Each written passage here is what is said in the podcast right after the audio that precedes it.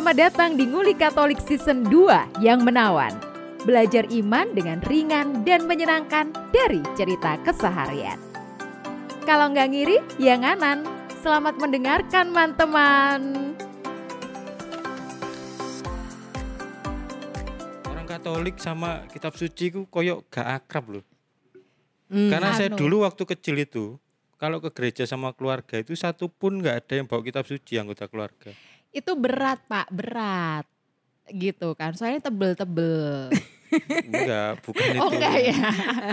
Ya mungkin kalau yang kitab suci yang besar banget berat sih memang. Oh iya, Kan iya, ada yang iya. kecil. Yudi Jadi doang. Yudi doang. Kamu kamu Priska? Ya sama sih. iya bawanya puji syukur kan keluarga-keluarga itu. Kalau aku malah nggak bawa apa-apa mas. Nah. Karena nyepeda. Ke gereja nyepeda nggak ada keranjang. Terus emang sepedamu nggak ada keranjang kayak Kalau apa no. gitu. Ya dikresekin lah taruh di stangnya gitu. Langsung ban baik gear. Terus ya gini loh Bri kalau kamu itu ke gereja nggak bawa puji Mana syukur nggak bawa kitab suci terus lu di gereja ngapain? Waktunya nyanyi gitu Kan gimana? ada dapat lembaran misa. Oh, Enggak, iya enggak sih. ngambil. Nggak ngambil. Beli soalnya. Pakai hemat deh ya. Magetan itu sampai semua itu beli. dikomersialkan gitu Betul, ya. karena- Ya ampun. Satu teks itu satu bendel 2000. Oh, sebulan. Di tempatku, Ah. di tempatku juga dulu gitu sih di Karang bilang ya ya bukan apa ya langsung bayar gitu sih, tapi sukarela. Tapi kebanyakan orang ngasih 2000 ya aku ikut 1000. Kirain lu Ya. ikutan lima ribu ternyata lu separuh harga. Paroki-paroki gitu. kecil ya gitu. Loh itu justru harusnya paroki-paroki kecil itu kan eh umatnya itu ya mampu Kecil. ya, tapi mampu ya. mampu lah, mampu. Oke. Eh itu balik 2000 aja bahasnya rapatnya sebulan tuh menentukan tarif Dewan harga parokinya tuh udah sampai mau gontok-gontokan nih mampu nggak dua ribu gitu ya. Tapi motivasinya beda-beda kayaknya ya, karena kamu nggak bawa apa namanya ini karena naik sepeda. Oke. Kalau aku karena rumah dekat, jadi Stefanus, parokiku Stefanus sama rumah dekat, jadi wis Nggak nggak bawa apa-apa. Puji syukur itu pun ibu tok. wis taruh di tas ya. Anaknya empat nggak ngapa-ngapain, Nggak nggak ngapa-ngapain, ngapain. nggak Belum bisa baca. Sampai di gereja ambil lembar misa satu-satu. Heeh. Udah, kalau butuh baca kitab suci ya cari di di itu. gereja itu Oh, ada. ada. Kirain pulang balik ke rumah. Deket tau tadi kata. Itu dari kecil kamu emang nggak pernah bawa kitab suci ya? Dan sak paroki koyo gitu kabeh tak deloki wong-wong. Oh yakin ya? Sak paroki. Mm-mm. Itu ada an- antara Iya sih. ini jaga no, jaga no. Nyele. No, ya. Bahasa Ya. Indonesianya menjaga no itu. Menjagakan oh, enggak ya? Menjagakan sebelahnya. Iya. ah, engkau engkau sebelah Dibagi. aku nggak kitab suci, aku tak. Enggak, karena Iya. yang bagian-bagian kitab suci semua ada di lembar misa tuh, bacaan. Mm. Ya Lembar mungkin misa. ngapain bawa lagi gitu yang bawa loh. lagi? Kan kita bukan yang kayak ya sing sing aku tahu sih panjang aku misa sih masih sangat jarang sekali Romo tuh yang ya kita buka, Buka. kitab suci ayat Nah. ini gitu kan kita buka Oh gitu iya enggak ya? tuh. Nggak pernah ya? Jarang sih. Paling dilihat lagi mungkin di teks misanya. Jadi enggak spesifik apa spesifik buka ayat-ayat yang selain yang dibahas di hari itu kan kalau Katolik kan memang Iya. ya hari itu bahas Oh, apa iya, ya itu iya, sih. iya, iya. Aku terakhir yang buka lompat-lompat gitu. kitab suci fisik itu mungkin 30 tahun yang lalu mungkin. Umur dia 50. Enggak ya belum ya. Umur dia 40, 30 tahun dia jadi 10. Umur 10 tahun Umur dia 10 buka. tahun. Dia remaja tanpa kitab suci. Jadinya begini tuanya. Tapi kalau pegang itu pas menikah. Oh. Sakramen pernikahan tuh megang. Oh. Nyentuh. Nyentuh. Sampul. Iya sampulnya bener. Sama itu kan. Kan biasanya dikasih Janji benda-benda pernikahan. rohani sama orang tua tuh. Enggak ya? Kamu dulu Enggak. ada zaman dulu. Lu nikah di gereja apa di Di mana? gereja tapi dapat pelek aku. Seperangkat pelek. Enggak ya cuma naruh itu. Karena sekarang sudah tergantikan aplikasi e-katolik sama Oh. website. Jadi kalau butuh misalnya ngisi retret, butuh ayat cari aja. Iya, di situ banyak banget. Apalagi mungkin ya kita lebih mudah mengakses ya. Maksudnya ya pegangannya handphone, jadi cari aja di. Langsung di handphone. Hmm. Kamu punya ik- po- kamu punya e-katolik? Punya, punya Oh ya, aku punya. Aku barusan uninstall. Eh kenapa? Memorinya nggak cukup. aku kira dia uninstall demi untuk supaya bisa jangan dia jangan buka e-katolik buka Oh, aja enggak. kitab suci. Lebih karena keterbatasan itu. ya. Iya, ternyata Kaget. begitu. Tapi Memori nggak cukup tuh karena keisi Candy Crush. aku pun aku pun nanti kalau misalnya ada nggak cukup lagi ya aku mungkin akan install e-katolik daripada Shopee-ku sih. Ya ampun kamu So mengorbankan. Loh enggak kalau mengorbankan e Katolik daripada kan itu bisa baca di ininya dong. Oh, oke aku bisa kebalik. baca Ah, oke, oke. bukunya gitu. Ya, ya, ya. Oke. Tapi aku punya kitab suci itu eh kalau aku flashback itu baru pas kuliah. Kuliah Oh. di Beli Madiun. maksudnya, baru beli. beli. Dan Oh. punya sendiri itu ya pas kuliah. itu pun untuk kepentingan kuliah kan ya. Heeh. Dia kuliah di kata kata ketik. Ya. Iya. Hmm. Jadi Kalau- ketika kecil ya wis gak bawa apa-apa ke gereja ya wis. Bener kan enggak apa-apa. Heeh. Ya bawa Segitu- puji syukur sih. Segitu alerginya kah orang Bukan Katolik alergi. sama kitab Bukan suci? Mungkin belum terbiasa atau juga dalam arti tertentu sih tidak dibiasakan yaitu sih dalam aku nggak tahu misalnya kalau kita ke lingkungan itu ya memang ada yang bawa kitab suci apa segala macam cuma kita memang lebih banyak ke dengerin toh gitu loh Hmm. orang ngomong apa gitu terus yang bawa kitab suci yang pas itu di- dikasih tugas untuk baca gitu loh Mm-mm. tapi kalau umat biasa memang lebih banyak kayak dengerin mungkin ya belum biasa sama bisa jadi juga karena struktur yang doa atau ibadat ataupun misa di tempat kita yang misalnya disuruh buka kitab suci, suci secara fisik sih memang nggak nggak terlalu sering setauku sih ya menurut pemahamanku Jadi Gitu. kalau dulu aku ingat waktu SD diajarin buat ngafalin nama-nama kitab, ya Hmm. udah habis ulangan terus aku lupa ya. Maksudnya karena nama-nama kitab itu cuman dihafalin tapi nggak eh, nggak kita langsung Enggak buka. dibuka. Oh, Ah, ya, ya, Kita nggak langsung buka ini ya, ingetlah ke kejadian ulangan bilangan kayak gitu. mm, Tapi nanti kalau disuruh ikutan kegiatan di paroki ya, waktu sekolah minggu kan Mm. pasti ada, ayo cari ayat ini. Mm. Waduh, aku paling nggak mau ikutan kayak gitu, soalnya kan lama Oh. gitu. Karena nggak terbiasa buka gitu. Makanya di suci. Gereja Katolik Indonesia itu Ya, sampai ya. ada bulan kitab suci nasional itu. Tiap bulan September yang kita yang sedang kita bahas ini. itu biar biar orang Katolik baca kitab suci gitu. Betul, Ya. yang buka biar buka fisik baca lalu kumpul di lingkungan buka gitu. Saking Tapi itunya. ini Betul, betul. ini kan ta- tahun kedua kita pandemi ya. Jadi eh, September tahun lalu itu sudah sudah pandemi. ya Di di lingkungan aku juga nggak buka karena kan ada bahan ini bahan PDF nih dari komisi. Nah, oh iya. nah, oh, it- tapi kan nggak ada Oh. pendalaman iman, ada ta? Tahun kemarin. ada ada ada ada dong. Oh, ada. ada ada ha, Ada, ada kok. dong. Yang keluarkan LBI ya. bukan eh, dari komisi kitab suci sendiri ada kok Hmm. Iya benar-benar. Hmm, cuma aku lupa Oh, itunya yang apa bersama keluarga. Iya. kayaknya sih temanya apa aku nggak anu tapi ada ngeluarin juga Aha. hanya saja nggak ada sosialisasi karena waktu itu kan memang udah tenggat waktunya udah mepet banget gitu loh cuma di buku yang dibuat oleh komisi kitab suci itu jelas banget sih jadi maksudnya eh, ya kalau memang mau baca dari awal sampai akhir pasti bisa ngerti oh step-stepnya harus gimana Mhm. Berarti mencintai kitab suci, mendengarkan kitab suci itu ya ndak selalu harus berhubungan dengan yang fisik loh. Kalau menurutku. Ya meskipun yang paling baik adalah yang fisik. Kita harus membiasakan membaca. Itu balik ke ke masing-masing pribadi kali. Maksudnya gini, kalau aku Hmm. tuh kan orangnya visual ya. Jadi aku tuh mesti ngelihat. Oh, Buat aku baca, membaca itu adalah baca buku. Fisik buku. Ha, ha, ha, Iya, jadi aku juga pegang sih. pegang kertasnya, Hmm. pegang ininya gitu. Oh. Iya. Nah, walaupun sekarang kan membaca itu konteksnya udah banyak. ya. Ya. Membaca di digital, itu juga Digital. membaca. Baca. Banyak media yang akhirnya beralih dari konvensional ke ke digital, digital. Hmm. Tapi aku tuh belum yang sampai kayak gitu. Hmm. Jadi mendingan kalau cari apa-apa udah langsung buka kitab sucinya Iya, gitu. iya. Kecuali buku tabungan ya. toh. Sekarang kan nggak perlu kita lihat buku Oh, tabungan. emang ada yang dibaca atau di sana? Iya, nggak usah kan. Dulu kan harus di print. Sekarang kan ada mobile banking, Woi, ente udah pakai mobile banking emangnya? BRI Syariah. Sesuai lah sama dia emang su- supaya dia nggak riba, nggak ini. Iya, Ah, ah, sangat mix banget ya. Dan dan kalau kitab suci itu buka, aku tuh ngerasa, eh emang ki- kitab suci itu banyak ilmunya ya. Kayak aku pernah ditanya sama ponakanku, Kain sama Hmm. Habel pekerjaannya yang apa? Hmm. Petani apa gembala? Ayo coba lupa ya Hmm. kita contek di kejadian itu ada ya Oh. ampun Ngeri, segitunya ngeri. jadi kayak buku cerita sebenarnya juga ya Iya, Iya. iya. Mm-mm.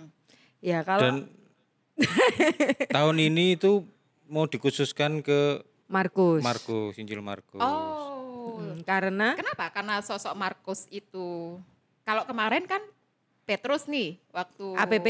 waktu APP ya Mm-mm. di tahun 2021 Mm-mm. ini. Kenapa sekarang pilihnya Markus? Mm-mm. Ini temennya ya, temennya ya. Muridnya, temannya. muridnya Petrus. muridnya, muridnya. Oh Markus, Markus ini muridnya penulis Injil ini adalah muridnya, muridnya Petrus. Petrus. Kalau dulu Petrus kan orang di ring satunya Yesus. Iya, Ya. Kalau Markus ini muridnya Petrus. muridnya Petrus. Dan karena tahun liturgi B Nah, waktu itu. Hubungannya Eh, apa sama si Markus? Tahun liturgi B itu lebih banyak atau sepanjang tahun liturgi B itu lebih sering yang dibacakan itu adalah bacaan Injil Markus. Hmm. Oh. Gitu. Baru tahu. Kita ini 2021 ini tahun liturgi B. Iya. Ah. ha. Oke. Gitu. Jadi tema BKSN tahun ini kita kan mengenal Yesus Kristus, Yesus Yesus sebagai Kristus, guru dan dan Tuhan. Tuhan. bersama Injil Dalam Markus. Injil Markus, mengenal. Yesus sebagai guru dan Tuhan dalam, dalam Injil, Markus. Injil Markus itu pendek kayaknya ya. Iya, Paling pendek, 16 bab, Ha, ha. 16 bab. 600 ayat. Wih, lu udah baca semua? Karena sudah dibahas di konten Instagram. Q-Kiss, Q-Kiss. Oh gitu di Coming cookies. soon. Oh enggak, saya udah berjalan, saya udah berjalan. Ya, silakan lihat di Instagram OMK Surabaya itu sudah ada Jam Selama 6 sore. Sudah bulan tayang September. ya? Seri Iya. Ya, ini kan- Sudah. September. Kita sudah. Seri cookies. Iya. kupas kitab suci. Kupas. Ada penjelasan-penjelasan kenapa Markus dan seterusnya. Iya. Oke. Keren banget. Ini BKSN dulu kalau nggak salah emang kar- eh dulu kan orang Katolik nggak boleh baca kitab suci ya. Zaman-zaman Iya, sebelum Konsili Vatikan II itu kan apa ya? Ya banyak hal sih. Jadi segala sesuatu yang sifatnya kayak misalnya kitab suci, misa apa segala macam itu nggak boleh sembarang umat akses gitu lah. Hmm. Gitu. Tapi sejak Konsili Vatikan kedua banyak pembaruan ya salah satunya itu gitu loh. Mungkin itu yang bikin kita ini jadi nggak akrab ya. Maksudnya Bis- itu kan Iya, iya. ya ya. Konsili Vatikan tahun berapa? Itu 60 60-an. 62, 62 sampai 65. Oke. Tiga tahun. Itu berarti butuh mungkin 100 tahun setelah 62 itu baru Iya. kemudian orang Katolik itu sangat uh, Mm-mm. familiar, Iya, sangat iya. pegang Alkitab kan Mm-mm, ya. Evolusi jadi inget ya. Dari cupang tadi. gitu. Oke. Bahkan sebelum Konsili Vatikan itu imam merayakan Ekaristi itu membelakangi umat. Oh iya iya iya, aku kalau itu dengar. Pernah tahu itu ya? Iya. Ah. Lalu Itu setelah Konsili Vatikan dasarnya kedua, kenapa sih? Karena kita sangat fokus kepada sakramen. ya banyak argumennya ya macam-macam. Lalu termasuk juga supaya itu tidak sembarangan umat tadi itu baca kitab suci supaya ini tetap berada dalam apa ya jalurnya jalur iman kita itu. Mhm. Kalau kalau di bulan BKSN gitu, kalian punya sesuatu yang ini enggak sih yang yang menyenangkan gitu? Kalau aku sih kalau misalnya harus pertemuan lingkungan ya, mungkin karena Ah. lingkunganku tuh banyak lansianya. Heeh, heeh. Gitu. Jadi warna-warna pendalaman imannya tuh agak serius Oh. gitu. Iya. Ah, jadi Iya, iya, mungkin iya. beda-beda ya. Terus sotonya anyep biasanya. Loh iya. Udah dua tahun kita nggak makan soto nggak makan ini dong. Mesti pertemuan lingkungan mesti menune soto Iya, rada iya. anyep karena diinget jam 5. pertemuannya jam itu, pitu, jam bolu. jam wolu. Tapi kalau pendalaman iman lebih ini lagi lebih panjang, biasanya setengah sembilan baru setengah sembilan. makan. Terus sotone metu dhisik, kerupuknya keri. Lali kerupuknya ya dia. Jadi kerupuknya diiterno ngono. Ya ampun Bu Dipia ngali kok lo. Lo sambelnya gak ono ta jeruk-jeruk. Kok kita jadi malah bahas itunya ya. BKSN yang paling bikin ini Aduh, ada kalau aku greget nggak sih? Aku dulu pernah hmm, apa ya kan dulu sempat kayak ngajar sekolah minggu ya biasanya kami oh selama satu bulan itu planningnya apa selain ya ngajar yang setiap mingguan itu juga mungkin bikin lomba-lomba buat Hmm. adik-adiknya intinya lomba soal kitab suci lah terus kebetulan juga pas dulu aku di KR itu eh, seingatku sih tapi biasanya eh, sambung jadi satu dengan eh, apa namanya apa sih eh, persiapan tuh perayaan ulang tahun KR sendiri tuh ada kayak lomba kitab suci tapi aku lupa istilahnya apa gitu jadi Hmm. kuis kitab suci tapi per wilayah gitu itu pesertanya eh, terserah dari lingkungan atau wilayah itu memilih siapa gitu Hmm. sih. Eh, eh kalian percaya nggak kalau aku ini pernah mewakili paroki untuk jadi lomba peserta lomba kitab suci? Oh. Nggak ada yang nanya ya, nggak apa-apa gue cerita aja sih.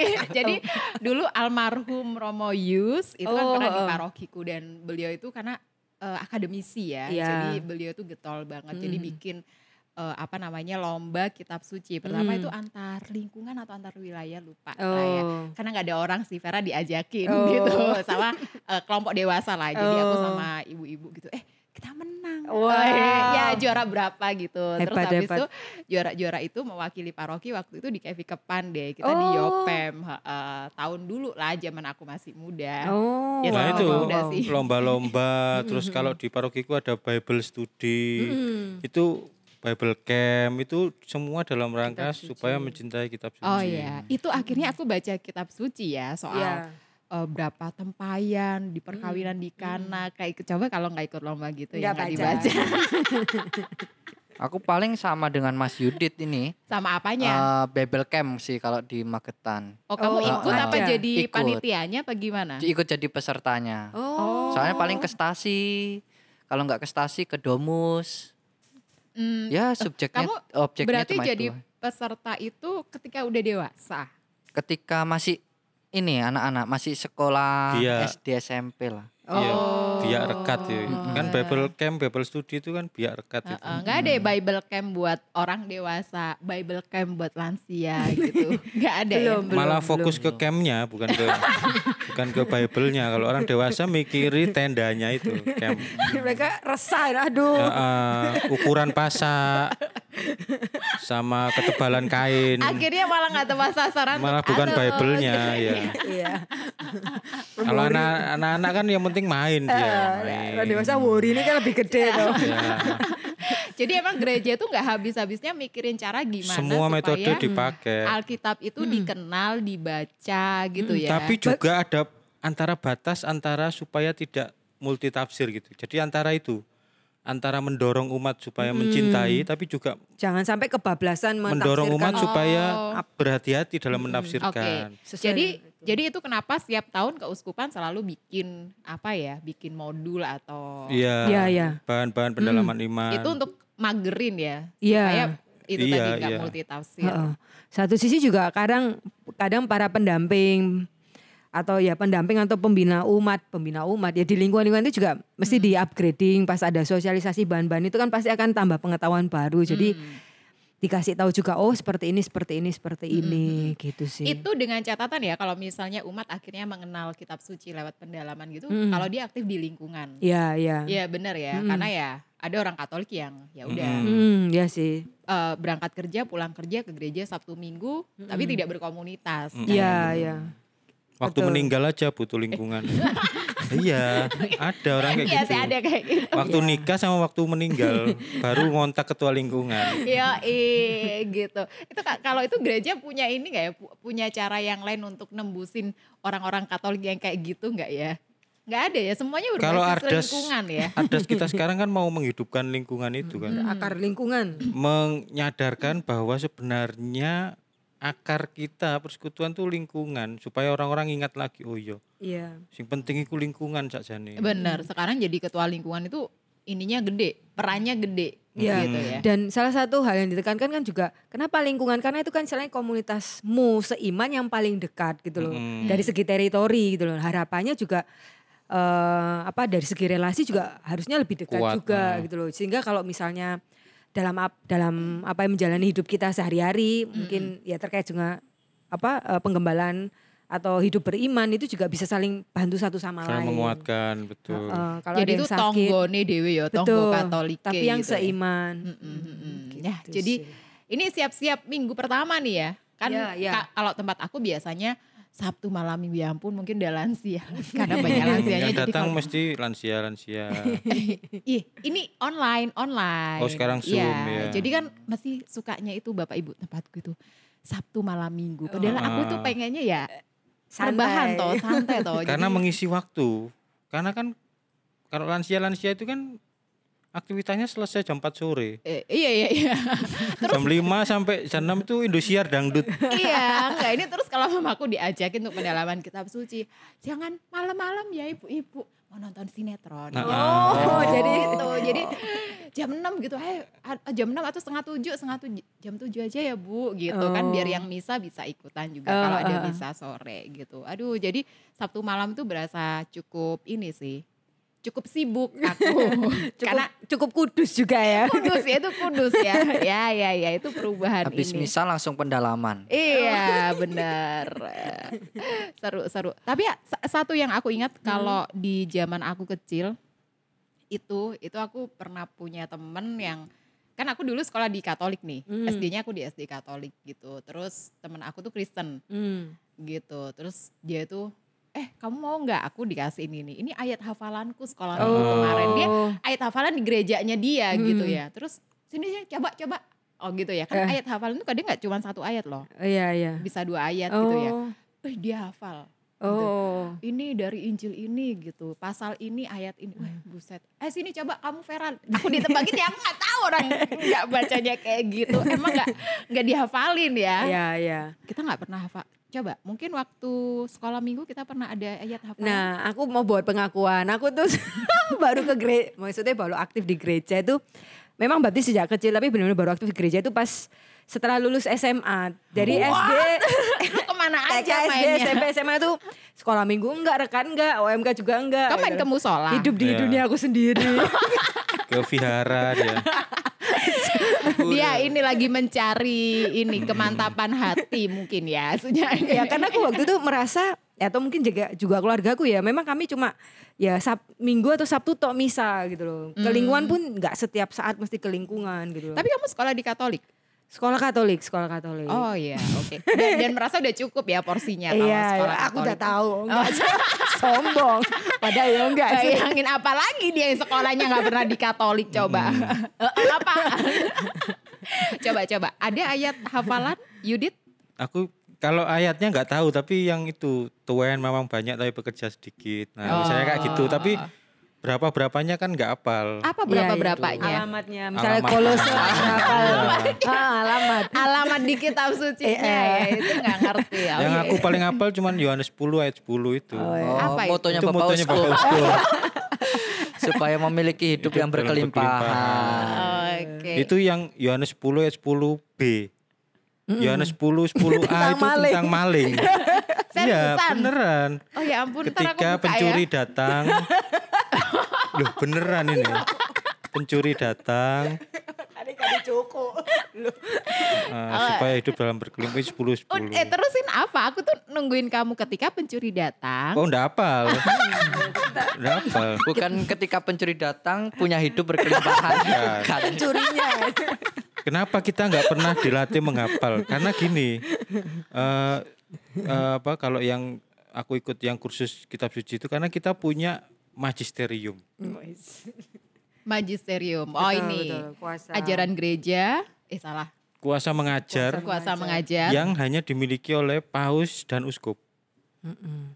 Kuasa mengajar itu maksudnya dia menerjemahkan kitab suci. Nah, paus dan uskup. Lah uskup itu lalu dia karena umatnya banyak maka dia menunjuk Mm-mm. imam imam untuk mewakili dia dalam kuasa mengajarnya itu. Kalau di di Kuskupan Surabaya itu ada komisi kerasulan kitab suci.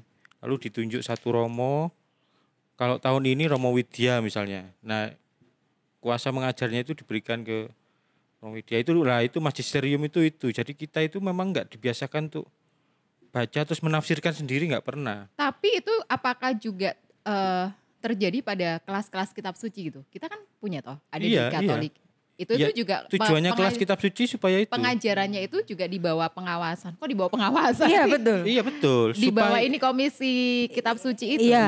Oh. Atau- pengetahuan lah. Betul. Atau imam yang pasti kan kalau kelompok-kelompok gitu kan pasti ada imam pembimbing, romo pembimbing atau romo Iya. pendamping dan Ha-ha. harus ini ya harus apa ya? Ya di dalam tanda kutip ya se- sepanjangnya itu dari sepengetahuan, pengawasan dan pembinaan. Jadi gak iso jalan sendiri gitu loh. Maksudnya motong kitab eh, ayat mana ayat mana lalu Ha-ha, ditafsirkan ha-ha, menjadi ha-ha. suatu hal yang mungkin berbeda dari ajaran iman kita kayak gitu. Bahkan misalnya kelompok kategorial.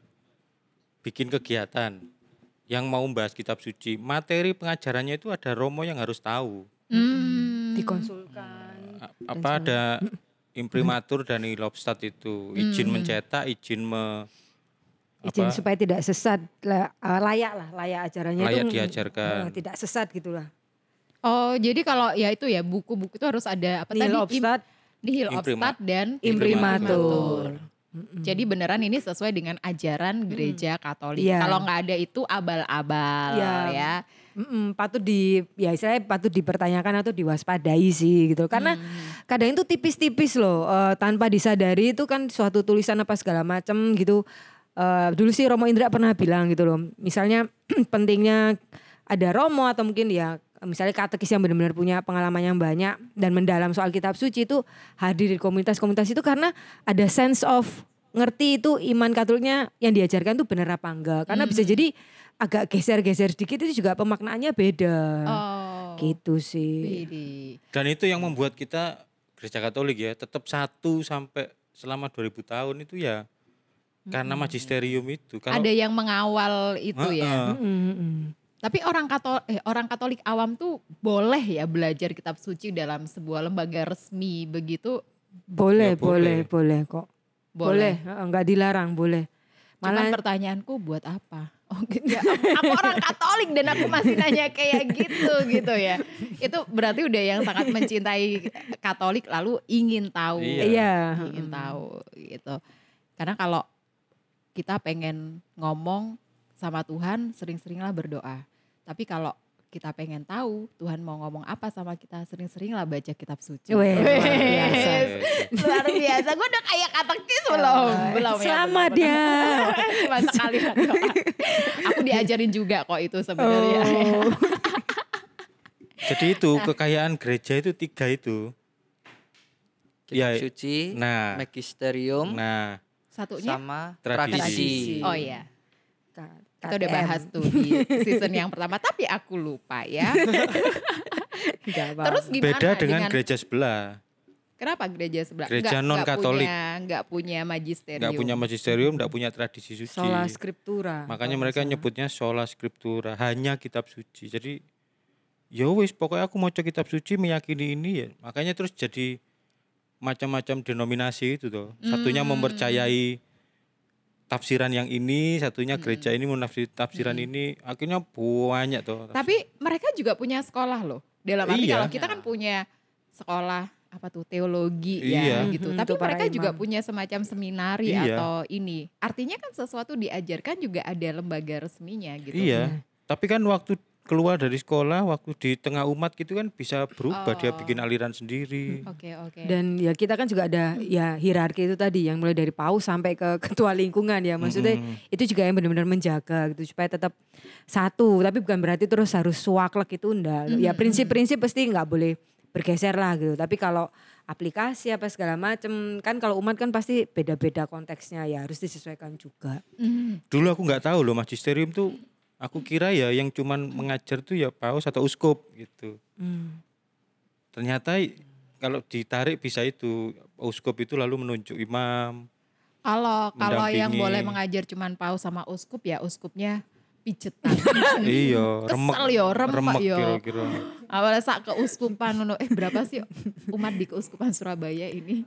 Berapa ya 19 ribu kah Iya. 19 ribu kalau Oh, salah 19.000. tapi itu data tahun berapa oh 19 ribu OMK-nya toh oh berarti Mm-mm. nambah lah mungkin 40 ribu kali ya Kita punya litbang yang oke banget tuh sampai Mm-mm. hafal Oh, OMK Ngeri ya. Surabaya. Ngeri, ngeri. Apalagi berapa ta- berapa tahun ke depan ini anu Ya. ya, OMK-nya juga meledak ya. Mm-mm. Oke. Meledak. Jadi meledak. Jumlahnya meledak. maksudnya. Mungkin usia anak yang meledak karena kan pandemi toh. Oh iya banyak dihasilkan. Anak-anak kecil. Apa hubungannya kitab suci sama anak kecil ya? Kita kembali. Aku ke- meledak dia tadi. kita kembali ke jalan yang benar. Jadi sebenarnya ini gereja juga sudah menyiapkan bagaimana memperkenalkan gereja Katolik Keuskupan Surabaya ya, memperkenalkan. Dan ini juga kalau di gereja itu sebenarnya kita itu waktu bacaan itu sebenarnya di disarankan untuk tidak membaca. oh iya. Oh iya, pas misa. Lebih ke mendengar sebenarnya. menyimak, mendengar lalu sampai diresapi. Hmm. Tapi itu dengan catatan loh Yudi. Sudah baca Udah sebelumnya. baca di rumah Hmm. gitu. Bukan lu ambil belakangnya aja. Kalau di gereja kita harus menyimak iya, tapi sebelumnya baca. Mm-mm. Jadi gimana? Kamu juga kayak gitu sebelumnya Belum. Sama, sama juga. Kalau nggak tugas sih biasanya kalau oh tugas lektor kan pasti harus baca beberapa hari. Iya, toh. bener. Kalau Nganu memang kayak ya sambil lalu kadang gitu. Loh kadang juga kalau lektor itu baca apa yang mau dia baca. Padahal harusnya baca semua bacaannya. Satu, dua, ah, Uh, uh. Jadi kan ngerti. Ngerti konteksnya ya. Eh, eh, bener itu sambung-sambung. Rumit amat jadi orang Katolik Oh, ya. enggak, challenging. Oh, challenging luar biasa. Kamu udah kayak motivator ya. Ya kan itu. tangsel, jaksel tadi. Jadi sekarang se- semakin ini kalau BKSN waktunya bulan September itu emang kayak wow ini buka kitab suci akhirnya akhirnya kalau di rumahku eh coba coba cari berapa ya kitab suci yang kita punya gitu. Jadi cuma September doang. Ada dua atau ada tiga Oh. gitu. Punya aku satu. satu terus belakangnya no stiker Doraemon itu. Dulu waktu kecil ditempeli anakku. Oh, Wis gak iso dikelintek isan wis. Nempelnya di tulisannya mas. Ndak disampul. Jangan sampai itu tulisan Alkitab ditempelin Doraemon nanti dikirain komik gitu ya. Dan kertasnya wis kelet-kelet ngono. Terus kuning-kuning. Saking gak tahu gitu ya. dibukain. Jangan-jangan itu Alkitab ini hadiah kamu komuni pertama. Koyoke. Oh, suwe nih. Suwene. Tapi gitu. gereja itu sebenarnya nggak perlu ngafalin juga sih mas. Iya. Dan apa? Kalaupun kita ikut misa setiap hari, bukan hari Minggu toh, itu kita udah baca satu kitab suci itu. Setiap loh. hari selama tiga tahun. Tahun A, B, C. Jadi selama tiga tahun itu kita udah apa, Sebenarnya sudah baca membaca semuanya. keseluruhan Oh, gitu ya. kitab suci. Tapi ikut misa setiap hari. Misa Bukan. setiap hari. itu yang bukan gue langsung Nusari lihatnya gitu. gimana. Ya. Challenging. Oh, challenging. Sebenarnya itu challenge challenge-nya lebih gampang karena kan sekarang pandemi itu banyak misa online yang Oh. artinya kita tuh nggak usah ke mana-mana gitu loh. Di rumah bikin altar kecil selama koneksi internet oke. Gimana meng eh, mengsel oke ya menganti selatan Eh, ya. koneksi oke lalu ini gitu. Iya. Tapi oke itu itu aku baru baru tahu tiga tahun setiap hari misa harian ama mingguan itu Sudah udah kita membaca. mendengarkan kitab suci Mm-mm. dari kejadian sampai wahyu. Iya. Iya. Keseluruhan kitab suci. Luar biasa. Lu praktekin nggak Bri? Brian praktekin. Yudit praktekin nggak? Praktek. Saya tahun D. Nggak ada, nggak ada. Gilingan tahun deh. Jangan-jangan dia ini Sekte baru. sekte baru. Buka ordo baru. Gimana dengan teman-teman muda nih? Kalau kan yang yang aku udah baca nih justru untuk dewasa nih ya. Karena Iya. aku udah dapat share di grup lingkungan. Oh, yang bahan tahun ini ya. Iya. Ha-ha, si mengenal Yesus sebagai guru dan Tuhan. Tahun ini BKSN untuk orang muda nggak ada. Maksudnya tidak Tidak disediakan bahan. Oh, Jadi, oke. Tapi kalau teman-teman muda mau ikut pendalaman di lingkungan, Iya. pakai bahan yang dewasa itu. hmm, Meskipun itu hanya 0,0000001 persen. Tapi tetap di sounding, tetap di sounding. 0,0 itu orang muda yang ikutan Atensinya. pendalaman di Dalam lingkungan. setiap pendalaman lingkungan itu ada satu orang muda yang ikut dan dia itu karena tuan rumah. Oh iya. Bagian gawe teh. Dia yang nyiapin soto anyep itu. Emang ibu E ya. Dan itu pun dia sebenarnya sudah mau pergi dari rumah. Tapi gak oleh mbak ibu, eh pendalaman. Bengi jam itu harap nang di. Keluarnya pas nganter soto tok. Antar soto langsung pelencing hilang. Itu tuh pengalaman pengalaman dia Beneran. dulu kayak gitu. Karena susah sekali orang muda itu terlibat dalam dinamika lingkungan yang kebanyakan isinya Sepuh-sepuh sih. Orang tua. Saya kadang terus habis itu ya basa-basinya tuh yang bikin orang muda rada-rada gimana lama. gitu. Heeh. Wah, anaknya Pak Sopo loh. Wis kerja ta. Terus mungkin yang agak anu, kapan rapi? Ke mana-mana. Ya. Oh tambah lemu saya kira. Ada bobo. Biyen sing nyewoki aku lho. So detail but us. Detail. Iki lah biyen sing nyewoki aku tuh, Bu. Makanya Bang Kabel. Biyen wireng lho iki. Terus, Lu saiki kok wis Joko? Wis perawan. gitu ya. Itu tuh bikin gak enak ya. Aku seumur hidup ikut dalaman iman tuh sekali ya itu, itu diajak mama itu. Dan koyok koyok trauma ngono. Karena ya ampun trauma deh. karena ini loh apa? Mereka semua yang hadir di Libnaman itu berpendapat berdasarkan teks. Jadi mereka semua pegang teks toh. Oh iya iya benar benar. Teks pendalaman Udah iman itu. dikopiin. Dikopiin. Ah, Terus ah. sekarang diminta penda, apa sharing atau berpendapat. ada pertanyaan panduannya. Tanya panduan. Lah mereka jawabnya itu dari teks ini. Lah Hmm. saya itu dapat giliran waktu itu sih SMP apa SMA ya? Lu disuruh sama Disuruh ayo coba pemimpin ibadatnya Ah, itu. Ayo coba anak ibu Cip coba Mm. sharing. Aku itu sharing tanpa baca teks, ngomong ngono terus ngomongku dop nolak toleng golek nang teks Blandi. Karena aku dulu SMP kan diajari kalau sharing itu ya sharing apa yang ada Iya. di pikiranmu, perasaanmu gitu. Konsep sharing yang sesungguhnya. Ah, Mas. Ah, nah, or- yang sementara yang sepuh-sepuh ini yang generasinya mamaku itu dari teks itu ini karena di sini Terus lu dikomentarin. Enggak tapi ekspresinya mereka itu koyo ada iki agamanya apa sih? Jadi itu cukup ini ya bahasa tubuhnya mereka itu iya, cukup terus kok mengintervensimu gitu ya. apa Kok aku, jadi salah? aneh. Heeh. Wis setelah itu nggak mau ikut, nggak bisa. Oke. Nah, mungkin pendalaman iman untuk OMK itu perlu dipikirkan juga formatnya bagaimana gitu. Apakah sama seperti umat dewasa atau Mhm. Nah, i- sampai hari ini belum ketemu formatnya itu bagaimana. Dan mungkin kita juga harus punya ini punya apa ya? Punya penerimaan terhadap sharing. Sharing itu kan nggak perlu dikomentarin ya. Kadang iya. kala mungkin nggak nggak banyak dari warga lingkungan itu yang paham bahwa sharing itu nggak perlu dikomentarin Iya. karena ada pernah Heeh. tuh jadi Mungkin juga karena mereka takut melenceng sehingga mereka lalu menyesuaikan dengan dengan teksnya itu. oh bisa. Dan bisa dikomentari kalau Bu waktunya. Oh, soto. nggak maksudnya jodoh-wodowo gitu kan sharingnya. Karena ada orang yang kemudian sharing akhirnya jatuhnya cerita. Tuh j- Cerita. cerita ke mana-mana betul. Itu emang itu perlunya pembekalan ini kayaknya ya. Hmm. karena pemandu-pemandu di lingkungan itu biasanya emang diundang lebih dulu untuk dikasih informasi lebih tentang ini supaya nanti bisa mengarahkan alur Iya. alur pendalaman. Kira dok nakal sih cuma kan kalau offline itu kan kadang ada yang sharing gitu kan kadang kita sungkan motongnya tapi kalau online kan bisa mute Lo pengalaman kayak gitu? enggak sih enggak Oh, enggak enggak, sekurang iya. ajar Iya, itu iya, sih iya. Enggak langsung diketik kayak direct message. Wes cukup bu, ambek huruf caps lock semua. Wes cukup bu. mak terata menggo ibu besar Yang menyenangkan dari Zoom itu adalah kita bisa ngechat direct message dan kita bisa langsung langsung lihat reaksinya. itu menyenangkan itu. Aku sering usil-usil ngono iki. Oh gitu ya. Kamu sebagai Zoom kan wake wonge. Langsung direct message pilih salah satu aja. Ah. kon welek ngono langsung delok reaksi nih. Dia kan wacot.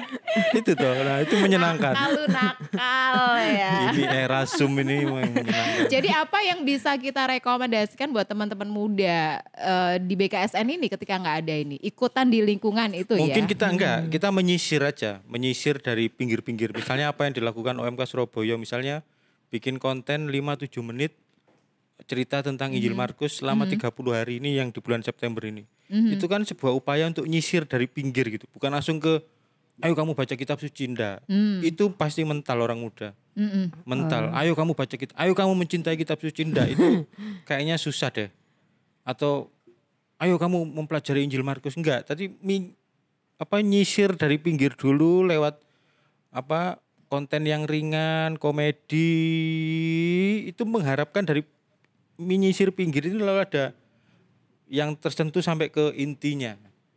Inti kita memang supaya orang muda mencintai kitab suci, membiasakan, tapi caranya itu harus nyisir dulu karena menurutku ya bagi orang muda itu belum ada kebutuhan untuk eh, memakai kitab suci sebagai inspirasi terbesar. Oh, Belum ada bisa kebutuhan bisa untuk itu. bisa begitu. Aku dulu juga kayak begitu. Ah, ya Karena itu. dapat inspirasinya di sosial media loh. Oh, oh, oh, oh. Iya, memang masuknya lewat situs si triggernya lah istilahnya pencetus-pencetus awal itu bisa lewat media, terus habis itu bisa lewat ya hal yang sederhana-sederhana gitu ya nggak usah terlalu panjang gitu loh. Gitulah nanti kalau misalnya teman-teman muda yang ada yang mau lebih penasaran lagi, ada juga banyak sih ya kayak kelas-kelas kitab suci yang aku tahu sih yang dibuat si Romo siapa? Bayu Mm-mm. yang di RM itu misalnya ingin memperdalam lagi ya boleh lah itu juga formatnya untuk orang muda aku sendiri nggak pernah ikut sih tapi setauku yang dikonsep adalah itu format kelas kitab suci itu belajar kitab suci untuk teman-teman muda. Tapi Misalnya itu untuk orang-orang yang sudah advance ya mau kalau- memperdalam apa segala macam Iya. boleh gitu loh. dan dan itu bukan sesuatu yang eh, alergen gitu ya. Nah. Maksudnya itu kadang temennya gini, "Eh, itu kon di kon. Eh, Anu, Kelas kitab kursus suci. Wow, modelanmu ngene. Jadi apa yang apa yang mlebu seminari ta? Mesti langsung ngono. Loh. nah ini sesama orang muda kadang gitu ya. Waduh, wes, aku, aku gak usah melok rek atau Eh, aku gak usah diam-diam ngomong rek. atau diam, kadang. diam, diam beneran akhirnya ya. Gitu sih. Jadi sebenarnya terbuka banget, kitab suci terbuka banget untuk dibaca oleh semua orang Katolik dari anak kecil, Hmm. remaja, orang muda. Tapi Iya. itu tadi ya, belum butuh ya. Mungkin ya. Jadi Kamu ya. kamu kapan mulai merasa butuh untuk membaca kitab suci? Ketika mulai terlibat di ini di pastoral orang muda, kan di pastoral orang muda itu harus ngajar tuh. Oh, tapi dengan caranya orang muda gitu ya. Heeh. Jadi kamu mikir nih gimana eh, menyajikan sesuatu yang berat menjadi eh bukan berat ya, sesuatu yang serius jadi Mm-mm. lebih light gitu ya. Mm-mm. Ke orang muda itu akhirnya Mm-mm. baca kitab suci. Ya itu dan juga mungkin ya kalau bisa dibilang belum terasa butuh ya bisa jadi juga ya karena kita sendiri kan mungkin sejak kecil kebanyakan kan memang tidak terlalu terpapar secara langsung dengan kitab suci itu. Jadi balik lagi sih ya itu tadi kayak misa Mm-mm. hanya pakai lembar misa apa segala macam ya singkat cerita kalau kurang kenal ya kadang kurang sayang gitu dalam arti Hmm. tertentu sih misalnya gak tapi tapi ya pastilah dalam perjalanan hidup ada titik-titik di mana kita akan ngerasa bahwa akan mencari kitab suci. Wih, itu kayak dia kan Aku- pas kuliah Aku kira dia itu nanti pas jawab, kapan Yudit muncul kebutuhan ini? Ya karena aku ini sudah 40 tahun. gitu loh. Kayak ternyata karena begitu banyak cara Tuhan itu menyapa seseorang gitu. Kalau dia nggak di pastoral orang muda dia nggak baca kitab suci juga. Amin, amin, amin. Kan misalnya yang usia muda ya, yang quarter life crisis itu ya. Ah, Itu kan dia kenapa disebut quarter life crisis itu karena banyak pertanyaan dalam hidupnya. Dan dia itu tidak langsung mencari jawabannya di kitab suci. Iya, tanya-tanya orang. Semua pertanyaan yang membuat dia risau galau itu dia cari di orang, cari di buku sosial kah? media, di buku, film, musik. Iya. Itu lalu menyumbang jawaban. Nah, tidak juga Semakin- mencari di gereja begitu ya. Ada, ya tapi nggak mungkin banyak. ya mungkin ketemu atau mungkin tambah abstrak. Karena biasanya kalau ngomong sama Romo tambah abstrak. Oh, tambah oke. gede banget. tambah semakin gak jelas semakin kerajaan Allah ngono kan semakin abstrak ngono tuh. Iya, iya benar. ini kerajaan Mojopahit. Ah, ah. Uh, apa Nah, ini ya? tapi semakin dewasa pertanyaan-pertanyaan itu semakin berkurang tuh. Mhm. Pertanyaan semakin berkurang maka kita semakin mencari jawabannya juga semakin terpusat. Ya wis, iki ujungnya Gusti Allah iki. Iya, jalan kebenaran dan Nggak hidup, ada lagi. Tapi Ya, itu benar-benar. mencapai tingkat umur tertentu. Iya. Papamu, Pak Niko itu pasti Yes Gusti Allah jawaban tidak ada lagi. Iya, iya. Kalau yang diajarkan di fokus itu malah Jadi itu mesti nunggu 70 tahun. Enggak, enggak, enggak. Ada yang masih usia muda sudah sampai di titik itu. Aha. Ya macam-macam kan. Iya. Pergulatan hidupnya kan macam-macam. Mhm. Betul. Makanya kita mengkategorikan orang muda itu kan ada yang kelas C, kelas B, kelas A. Mhm. Yang kalau yang kelas C yang masih gajinya di bawah UMR itu jangankan mikir kitab suci. Mikir buat Bisa bertahan bertahan sampai hidup. sebulan Eh, aja eh, itu, dia kan udah sangat struggle ngos-ngosan, dan dia tidak mungkin mencari jawabannya di kitab suci. Oh, iya, iya. Bagaimana menaikkan UMR gaji saya dicari di kitab suci? Walaupun di ada. kitab suci ada bilang, carilah Semua ada. maka kau akan mendapatkan mendapat. gitu ya. Aku wis goleki Tuhan di duitku gak tambah-tambah gitu ya. Ya masih lebih kayak praktis supply and demand. praktis supply and demand. Iya, masih ya duniawi lah, duniawi. Iya. Nanti lalu semakin tua, pertanyaannya semakin sedikit karena pergulatannya sudah lama, lalu jawabannya juga semakin terpusat ya wis iki tujuannya dhewe urip iki mek iki tok ngono nanti. Mhm. Itu kalau yang standar loh ya, yang yang pergulatan hidupnya standar loh ya. Iya, iya, iya. Kan macam-macam tuh orang Ada yang Ada yang muda tapi pergulatannya sudah Sangat- luar biasa. sangat ekstrim. Belum 25 sudah jadi tulang punggung keluarga Ah, gitu. Iya, ya. iya. Itu justru mungkin menemukan lebih Nah, hmm, itu cepat. sangat akan cepat segera kepada hakikat kita. Wih, dia udah semakin ini semakin ke sini semakin bijaksana sekali. Amin, Iya. amin. Amin saudara, amin. Banyak sharing mungkin eh, seputar kitab suci yang mungkin kita akan obrolin di episode berikutnya ya. Ini kan sebenarnya juga upaya kita supaya orang muda mencintai kitab suci loh. Ini Ha-ha. salah satu upaya dan ini kan nyisir banget. Maksudnya Iya, nggak langsung Nggak soal langsung inti kitab kan? sucinya Iya, gitu. Sebenarnya itu kalau orang Katolik itu mestinya satu orang punya satu kitab suci gitu ya, Priska. Ya idealnya. Idealnya ya. Ideal. minimal e Katolik lah. Oh, Iya. minimal i Katolik. Atau minimal satu keluarga satu kitab suci. Ojo di gede meneh.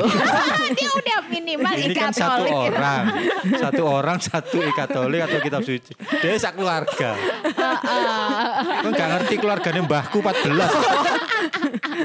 Oh 14 kitab suci siji. Kalau iya, tapi di Katolik itu emang ada bacaan harian, ada renungannya, Oh ya, terus komplit. diingetin setiap Komplit. hari itu ada perayaan wajib dari santo-santo atau pestanya siapa, ada puji syukurnya juga Betul. ya, bener. Kalau lagi ke gereja, Aplikasi puji syukur ada sendiri, Heeh. tapi, Tapi di ak- e Katolik Di juga Katolik, ada. heeh. Terus ada suaranya ya, jadi ada contoh nyanyi. Ada contoh Ah. nyanyi. Sopran alto.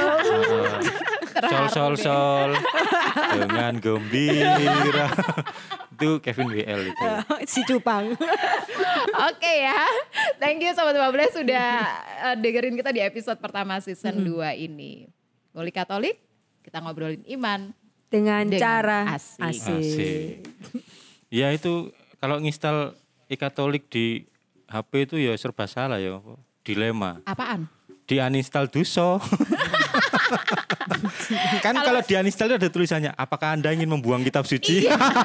Jadi ada remindernya Uh. ya. Aduh. ada konfirmasi Ada apakah Anda ingin konfirmasi. membuang puji padahal, syukur? eh, padahal itu setiap beberapa waktu butuh diupdate, butuh diupdate gitu Iya. ya. Jadi menu-menuhin.